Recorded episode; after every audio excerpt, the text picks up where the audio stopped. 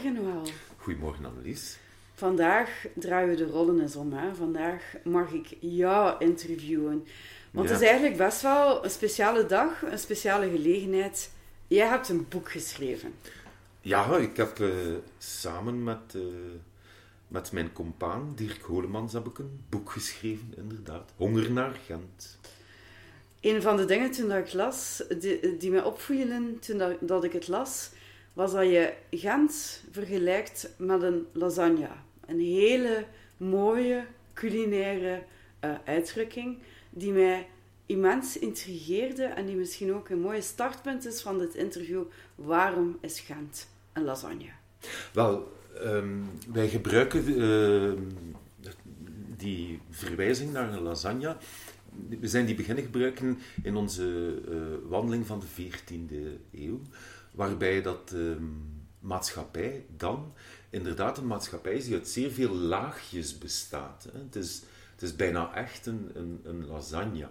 Je hebt ehm, ja, de, de, de bovenste laag, ja, dat is de, de koning van Frankrijk, de graaf van Vlaanderen. En dan eh, daaronder heb je de belangrijke patriciërsfamilies, hè, de Borluts, de Utenovens, de Gruteuses. En dan heb je daaronder het laagje met de gildes en de handelaars en noem op. En dan helemaal onderaan, hè, onderaan in de ovenschotel, heb je de, de gewone mensen.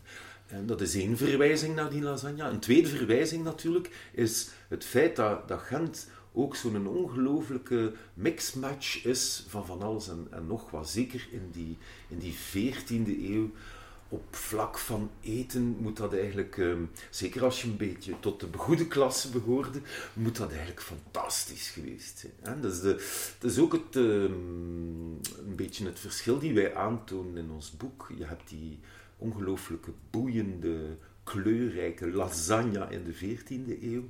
En dan heb je dat droeve, eh, trieste, grauwe, met ongelooflijk veel klassenverschil in de 19e eeuw. En, en, en, dat maakt het wel interessant. Maar om terug te keren naar die, naar die lasagne, ja, het duidt op de vele laagjes en de vele verrassingen die je ook kunt gaan ontdekken in, in, in zo'n stad. Ehm, alleen bijvoorbeeld ehm, de kaasplank. We hebben het in ons podcast ook al gehad over kaas. Ik vind dat super interessant om te ontdekken dat je een 14e eeuw, eeuwse middeleeuwer kunt zijn en een 21 eeuwste mens en dat je eigenlijk hetzelfde kunt eten. Dat je perfect kazen kunt eten die mijn 14e eeuwse voorvader ook al at. Met dezelfde nootjes en dezelfde vijgen en dezelfde dadels. Ik vind dat super, daar word ik echt wild van. Geweldig. Ehm, en eh, ik zie ook, en je zult het ongetwijfeld ook horen in je stem, nu wel, als je erover vertelt, je wordt daar helemaal vrolijk van. Ik heb u daarnet horen zeggen, Gent is een stad met vele lagen, vele verrassingen. Ik vind dat eigenlijk, dat dat slaat op je boekje ook. Het boek heet Honger naar Gent, geschreven door Dirk Holemans en Noël Kallebout. Maar wat is het eigenlijk? Is het een wandelgids? Is het een geschiedenisboek? Eh, is het een beetje van allebei? Leg het eens uit. Wel, Honger naar Gent, weet je wat dat is? Dat is een wandelboek die u uitnodigt om u te verdiepen in de geschiedenis. En het is een geschiedenisboek die u uitnodigt om te gaan wandelen in Gent. Dat is Honger naar Gent. En weet je, het is vooral een boek geschreven uit liefde voor onze stad. Als er, als er iets is wat ik hoop dat mensen eh, ervaren als ze het boek lezen, is dat wij echt verliefde Gentenaars zijn. Met een enorme liefde voor die prachtige stad die we hebben. En soms ook een beetje met een beetje melancholie. Want wat had ik graag gehad dat die 14e eeuwse macht toch een beetje blijven hangen was. En dat we niet na die 14e eeuw zo wat in een, in van een lethargische slaap geëindigd zijn. Om dan nog even wakker te schieten in de 19e eeuw. Maar als je dan de dag van vandaag in Gent loopt, dan voelde opnieuw dat bruisende, dat enthousiasme, dat verdraagzame. Dat vind ik ook. dat is ook iets dat ik geleerd heb. Gentenaars hadden al in de 14e eeuw een liefde voor eten, voor drinken, voor besturen, voor te gaan bepalen. Maar ja, ze waren ook best wel trots op hun stad. Ik denk dat het chauvinisme van de Gentenaar echt in de 14e eeuw uh, uh, ontstaan is. En dus het boek is een historisch, chauvinistisch boek over het mooie grote Gent. Maar het is ook een lekker boek. En laten we vooral niet vergeten, Annelies. Het is een geschiedenisboek, het is een wandelboek, maar het is ook een beetje een klein, bescheiden kookboekje geworden. Want dankzij u hebben wij wel een aantal van uw heerlijke receptjes in ons boek mogen steken. En het, uh, het prijssoepje met mossen en amandelmelk, ik denk dat dat echt aan een revival gaat ga beginnen. Ja, en dat is... Uh, um, merci daarvoor nu wel, om, om ook uh, mijn project daar nog eens in aan te halen. Maar, maar dat is het, het gemeenschappelijke van onze verhalen. Hè? Dat we er alle twee in geloven dat culinaire geschiedenis een heel leuk perspectief is om naar het verleden te kijken. Wat aten de mensen in Gent in de 14e eeuw? En zo door je stad te dwalen en zo eigenlijk een beetje te knabbelen en te likken aan een smakelijk aspect van, van het verleden. Wel, dat zijn zo twee dingen die mij, die mij opgevallen waren. Eén, als aan de 19e eeuw aan het schrijven waren, uh, er is bitter weinig historisch onderzoek gedaan naar wat de gewone mens eigenlijk had, hoe dan die moesten overleven. Je vindt zo wel een aantal dingen, maar eigenlijk uh, 19e eeuwse recepten van arbeiders, ja, daar, daar had hij u nog niet echt moeten op smijten, Annelies, want ik denk dat dat nog een uitdaging is. Maar twee, wat mij enorm opviel, en dat is inderdaad iets dat ons bindt, uh, dat doen wij ook met onze podcast, ik snap niet waarom dat er dan nog vroeger niet aan gedacht is dat eten, dat is iets dat mensen doorheen de eeuwen bindt en het maakt voor um, niet-academici, want goed, dat zijn heel verstandige mensen die kunnen dikke, dikke boeken met onmogelijke teksten tot zich nemen. Ik heb daar enorm veel bewondering voor. Maar eten en drinken en, en het gewone leven, dat maakt geschiedenis zo toegankelijk voor iedereen. Ik denk dat wij, als je het boek Honger naar Gent leest, je moet een titel ook bijna dubbel verstaan. Het is enerzijds gaat het over eten, maar het nodigt ook uit om met meer honger naar de geschiedenis van die stad te gaan kijken. En ik voel dat mensen die het boekje gelezen hebben, dat is echt zoiets van, we willen wel wat meer weten, waar kunnen we nog informatie geraken? Dus die, dat voedsel, dat maakt zo een, een, een, een mooie brug. Dat is fenomenaal. Het heeft mij onlangs trouwens mij bijzonder geraakt. Ik ben uh, naar een, uh, ja, moet naar een avond geweest waar dat jij en uh, Dimitri van Lemberg, en dus als foodhistorica en foodarcheoloog, een avond gaven met hapjes en, en uh, drank. En dat maakte mij zo gelukkig. In de zin van, dat zijn deuren naar een verleden die opengaan. Wat je van zegt, maar man, ik kom hier in een fantastische wereld terecht. Ik heb ja, dingen geleerd dat je zegt van, dat wist ik helemaal niet. Allee, is dat al zo oud, maar fantastisch. Dus dat eten, dat drinken, ja, dat is een, een, een, hand die reikt naar uw voorouders. Ja, daar word ik wel enthousiast van. Ja. Ja, en dat wordt zo'n beetje, dat is heel lang, ook in het wetenschappelijk onderzoek, een beetje stiefmoederlijk behandeld. Dat begint nu de laatste 20, 30 jaar, zijn, is er daar ook wel wat wetenschappelijke interesse voor. Maar um, dat wordt nog altijd niet op dezelfde manier behandeld als een kunstwerk bijvoorbeeld. Maar wat er net zo leuk is aan een historisch kunstwerk, als we naar het Lamkots kijken bijvoorbeeld, gaan we een soort bewondering voelen.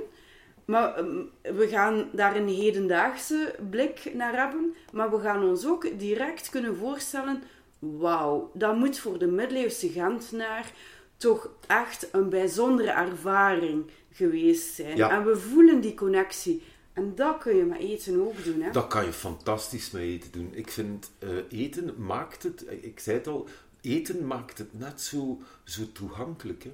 Ja, je staat. Ja, het is bijna letterlijk. Hè?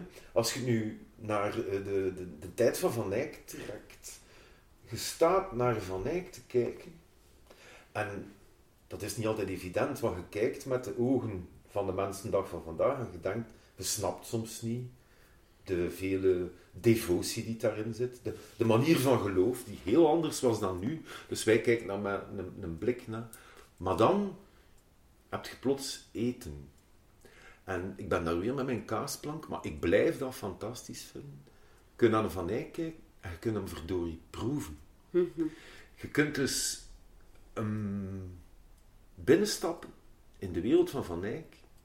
En niet alleen van Van Eyck, maar in zijn stadsgenoot, op het moment dat hij in Gent was, of, of in Brugge, of wherever. En je kunt verdorie proeven wat Van Eyck proefde als hij s'avonds misschien heel moe thuis kwam, zijn borstels, zijn borstels uitgekuist had en dat zijn dienster hem een kaasplankje bracht. En ik ben perfect in staat, dankzij het opzoekwerk die mensen zoals jij gedaan hebben, ben ik perfect in staat om te proeven van Van Eyck. Ja, kijk, wat moet een mens nog meer hebben? Wat moet een mens nog meer hebben? Hè? Een van de leuke dingen aan uh, Honger naar Gent vind ik ook dat je door de stad kunt wandelen en dat er je allerlei dingen kunnen opvallen die ik eerlijk gezegd ook, ook zelf nog niet wist. Jullie hebben het in verschillende gelegenheden over, over straatnamen. Namen die nu, van straten die nu, nu nog altijd een naam hebben, die verwijst naar een soort culinaire realiteit, naar een plek waar dan mensen samenkomen en genieten van eten. En ja, echt een van de mooiste verhalen vind ik de Stoofstraat. Ja, ja, ja de Stoofstraat. Um, eigenlijk zouden we daar nog maar achteraf bekeken. Ik had er eigenlijk nog wat meer opzoekwerk willen, willen naar doen. Nu, er zijn gelukkig. Um, langs nog iets gelezen van, denk iemand van de stadsgidsen, die een onderzoek gedaan had naar wat die stoven allemaal waren. Um, ja, dat vind ik zo boeiend. Je staat daar aan de Stoofstraat en je denkt u, Allee, je, vraagt je af, ja, wat is dat nu? En dan begin ze wat lezen en dan ontdekt je, ja, stoven, dat zijn eigenlijk ja, middeleeuwse badhuizen. Dat is trouwens ook iets wat ik uh, geleerd heb bij het maken van het boek en, en het maken van onze podcast. Je moet proberen om met zo weinig mogelijk vooroordeel naar eeuwen te kijken. Hè. Um, ik kom uit een tijd uh, waarbij de middeleeuwen werden afgeschilderd als duister, achterlijk. Uh, de Romeinen waren weg, de beschaving was verdwenen. Um, het ging nooit meer goed komen. Uh, dan krijg je daar bovenop, bovenop ook nog pest. Allee, het werd u bijna afgeraden om u te willen verdiepen in de middeleeuwen, want die trokken toch op niks. En dan ga je daar met een heel andere bril naar gaan kijken. En dan ontdek je plotseling van, oké, die steden zullen inderdaad wel iets vuiler geweest zijn dan de huidige steden. Het leven zal wel iets moeilijker geweest zijn dan het huidige leven. Maar stoven, badhuizen, en in die badhuizen, wat een luxe. Um, waar met, uh, um, want ik, uh, tijdens de lezingen gebruik ik uh, wel de vrouw van Jeroen Olieslagers, omdat ik vind dat hij dat prachtig, bijna poëtisch beschreven heeft. Hè.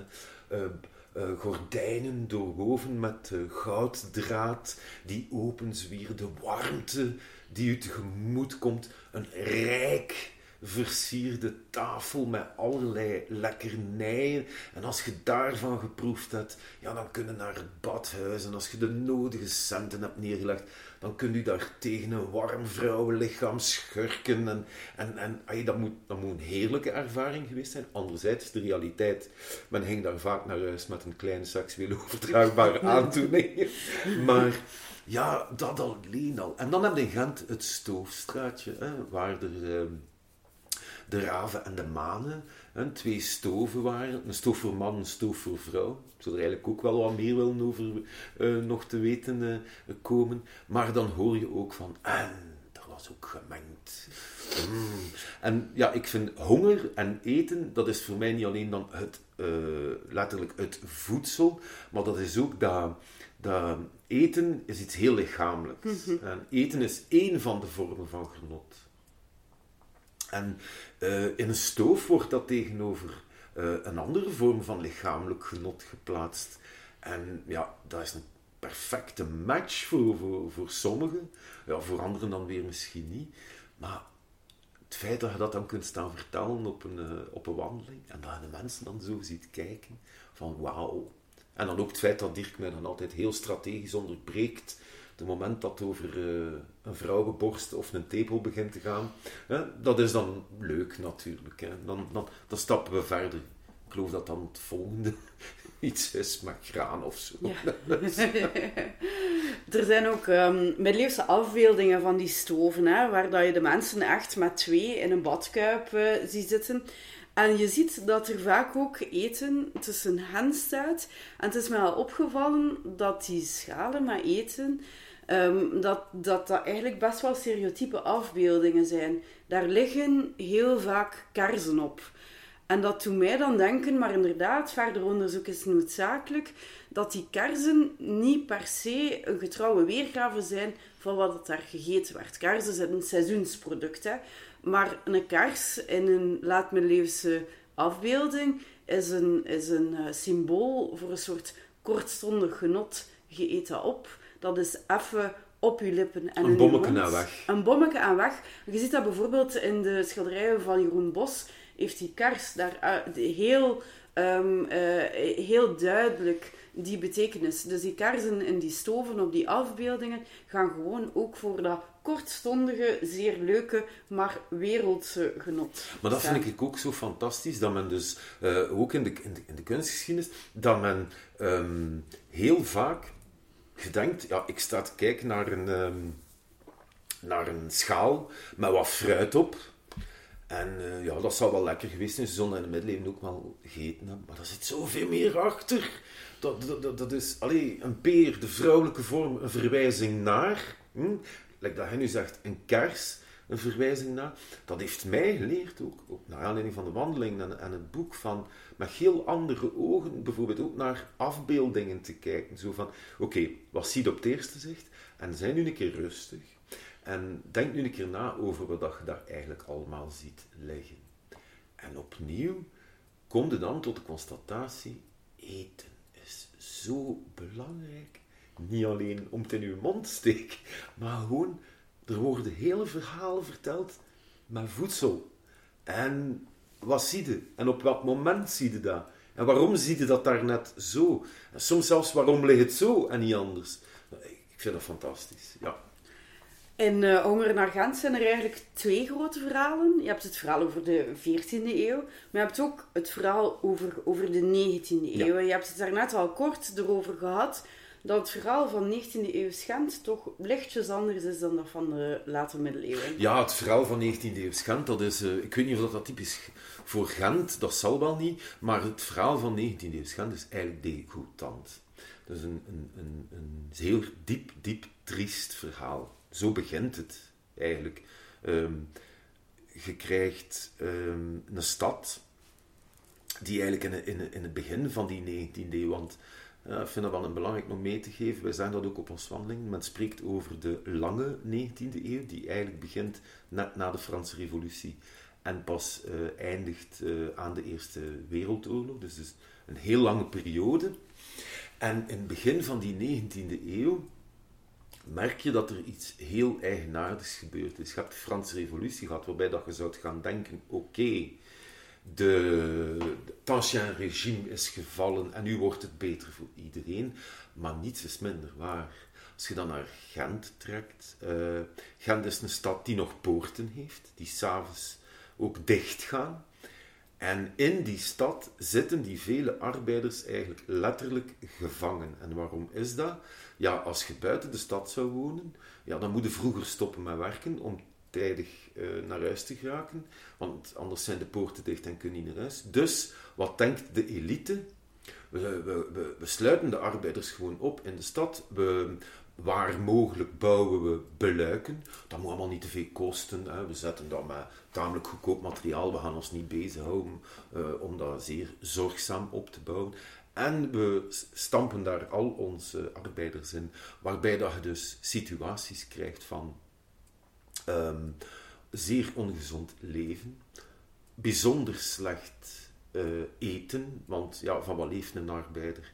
Van aardappelen, van een beetje brood, een beetje boter, eh, wat koffie, wat karnemelk. Maar eigenlijk, uh, ja, de beruchte lege calorie, het brengt niets op. Ze drinken koffie eigenlijk om wakker te blijven, om niet in slaap te vallen achter die weefgetouwen. En dat is het. Maar wat maakt het dan zo degoutant? Dat is bijvoorbeeld als je het verhaal van de minaar hoort. Um, als je voor de minaar staat en je kijkt rechts, op ongeveer 50 meter van de minaar staat een immens uh, fabrieksgebouw. Daar werken vooral in de 19e eeuw vrouwen in, in de natte continu. Het is een vlasfabriek, dus onder zeer slechte omstandigheden. De meisjes staan daar in centimeters hoog op in een blote voeten in een soort van warm, ongezond water van, hè, van het vlas. En dan heb je de minaar, waar de gebroeders van de woestijnen twee keer per week naar een voorstelling gaan die uren duurt, maar die halverwege wordt onderbroken, omdat men dan, ja, dat is dan tijd voor de diner, en dan gaat men biefstaken eten, gaat men pommes frites eten met pikante saus, gaat men stoofcarbonade eten, gaat men dat overspoelen met flacontjes bier. En als men s'avonds na die toch vermoeiende voorstelling thuiskomt, dan gaat men toch nog een lekker glas Bordeaux-wijn drinken. 50 meter, een wereld van verschil. Want bij die arbeidersvrouw kent niemand zelfs het woord biefstuk. Men weet gewoon niet wat dat, dat is. Dat ontroert mij, dat maakt mij kwaad. Dat de... En ook goed, in de, in de verdere 19e eeuw zal die situatie wel verbeteren. Maar dan nog krijg je soms reacties. Hè. Als het leven voor de arbeider iets beter wordt, bijvoorbeeld dankzij de broodcoöperatieven, wordt het brood beter betaalbaar. Hè. Men krijgt de eerste reactie dan van de bourgeoisie, van de fabrieksdirecteur is van, ah goed, dan kan het loon naar omlaag. Dat is toch degoutant? Dat is onmenselijk, hè? Ja. En ik hoor u zeggen, er is daar tegenreactie op geweest vanuit het socialistische hoek. En dat ging net ook, dat draaide ook rond eten, dat draaide rond brood. Het draait rond brood. Nu, ere wie ere toekomt, uh, is misschien niet te geloven, maar het waren eerst liberaal. De liberale partij heeft een eerste broodcoöperatief gesticht. Maar de titel van die coöperatieve, of de, de slagzin van die coöperatieve was Help jezelf. Ja, Zeer liberaal. Dan, ja, dat lag dan een beetje moeilijk bij uh, de aanwezige socialisten die zich dan snel hebben uh, af, afgescheurd en die dan een, uh, een eerste coöperatieve bakkerij beginnen in de Belgrado-straat of all places. En uh, die dan zeer snel uh, Leentje Buur gaan spelen bij, uh, qua techniek bij de Nederlanders, onze Nederlandse buren, die eigenlijk dan al op industriële wijze brood bakken. En dan gaat het heel vlug de socialistische broodcoöperatieve vooruit nummer 1 krijgen. En van daaruit groeit alles. Zoals gezegd, eten, eten. Maar um, als je lid wordt van de coöperatief, dan betaal je lidgeld. Het brood betaal je iets duurder, maar je krijgt eigenlijk een soort van um, teruggave hè, in, op je aandeel. Maar ze betalen dan niet uit in geld. Ze geven u aankoopbons om kledij te kopen in de coöperatieve winkel. Om, uh, ja, noem maar van alles en nog wat kopen in de coöperatieve. Wat dus eigenlijk een, een, een zalig idee is die... Um, socialistische coöperatieve bedenkers, ja, ik vind dat zo'n beetje de, de, de, helden van, van, van dat moment. Die zijn, dat zijn eigenlijk verstandige mensen. Um, en ik denk dat dat ook een stukje een beetje de, de redding geweest is van, uh, van de arbeidende stad. Dat men uiteindelijk ook zal gaan investeren in bijvoorbeeld zeg maar wat, bibliotheken. Want men, men wil ook de arbeider leren lezen, leren schrijven. Uh, dus natuurlijk, het is altijd een beetje dubbel. Waarom moet een arbeider leren lezen en leren schrijven? Ah ja, omdat ze dan vooruit kunnen kopen, de krant. de krant kunnen lezen. En het politieke dogma mee kunnen krijgen. Dus er zit altijd, het is altijd wel een beetje... Maar ik vind het een enorm boeiend verhaal. die ons ook een stuk uh, fier mag maken. Maar opnieuw die fantastische link. Het heeft met eten te maken. Geschiedenis en eten, dat is onlosmakend van elkaar. Je kunt dat niet... Uh, je, kunt dat, je kunt dat gewoon niet uit elkaar trekken. En zelfs geschiedenis en eten en hoe dat een stad eruit ziet. Want heel die uh, ja, socialistische machine eigenlijk heeft drukt nog altijd zijn stempel op uh, een stad als Gent, hè? Ja, kijk, in de gebouwen. Kijk maar een keer rond in Gent, hè. hoeveel van die... Uh, ja, ik vind dat soms ook dubbel. Uh, ik, het, um, ons huis op de vrijdagmarkt... Ooit stond daar een prachtig Grutuzen stadspaleis. Oh, jammer dat is. maar goed, het is de, hetgeen dat er staat. En dat is neoclassicistisch zeker. Ja, dat is ook niet mis. Maar inderdaad, een gebouw gelijk de vooruit, uh, ons huis. Ja, dat merkt ook wel van, het is hier toch ook maar allemaal uh, begonnen. En je mag niet vergeten, bijvoorbeeld in de vooruit werd, kon je kon ook gaan eten hè, op een bepaald moment. En daar werd wel voor gezorgd dat je voor betaalbare prijs al een keer een biefstuk kon eten. Dat is ook niet voor niks. Dat Edward Angstelen zei, uh, voor iedereen een biefstuk. Vandaar ook biefstuksocialisme. Um, maar je ziet weer opnieuw, ik zeg het, die link die het, uh, die het mogelijk maakt. En dat vind ik, uh, dat is hetgeen dat mij dan boeit, weten. Um, ik ben natuurlijk verzot van geschiedenis. En ik lees graag de grote verhalen. Hè. Ik heb hier ook een biografie van keizer Karel en een, en een, biografie van Louis XIV, noem maar op. Maar wat mij nog veel meer boeit, is... Uh, die kleine man en die kleine vrouw. Daar ben ik eigenlijk in geïnteresseerd. Allee, ik vind het uh, heel leuk te weten dat er zoiets bestond als de, hè, de gilde van de wijnschroeders en wat is het. Maar wat mij ook wel interesseert is, als die wijn gemaakt werd, wiens voetjes hingen er in die ton? En weten we daar nog iets over? Hm, als ik... Uh, lezing ga geven over het boek bijvoorbeeld, begin ik altijd mijn verhaal met François. François is een boer die in de buurt van Dois uh, wat graan geteeld heeft en die naar Dois moet brengen. En dat graan van François gaat dan uiteindelijk in Gent komen. Hè? Maar het feit dat je het even kunt hebben over dat er iemand als een François geweest is. Wel, laten we eerlijk zijn, Annelies, we stammen wij niet allemaal af van keizer Karel en van Louis XIV of van uh, gelukkig niet.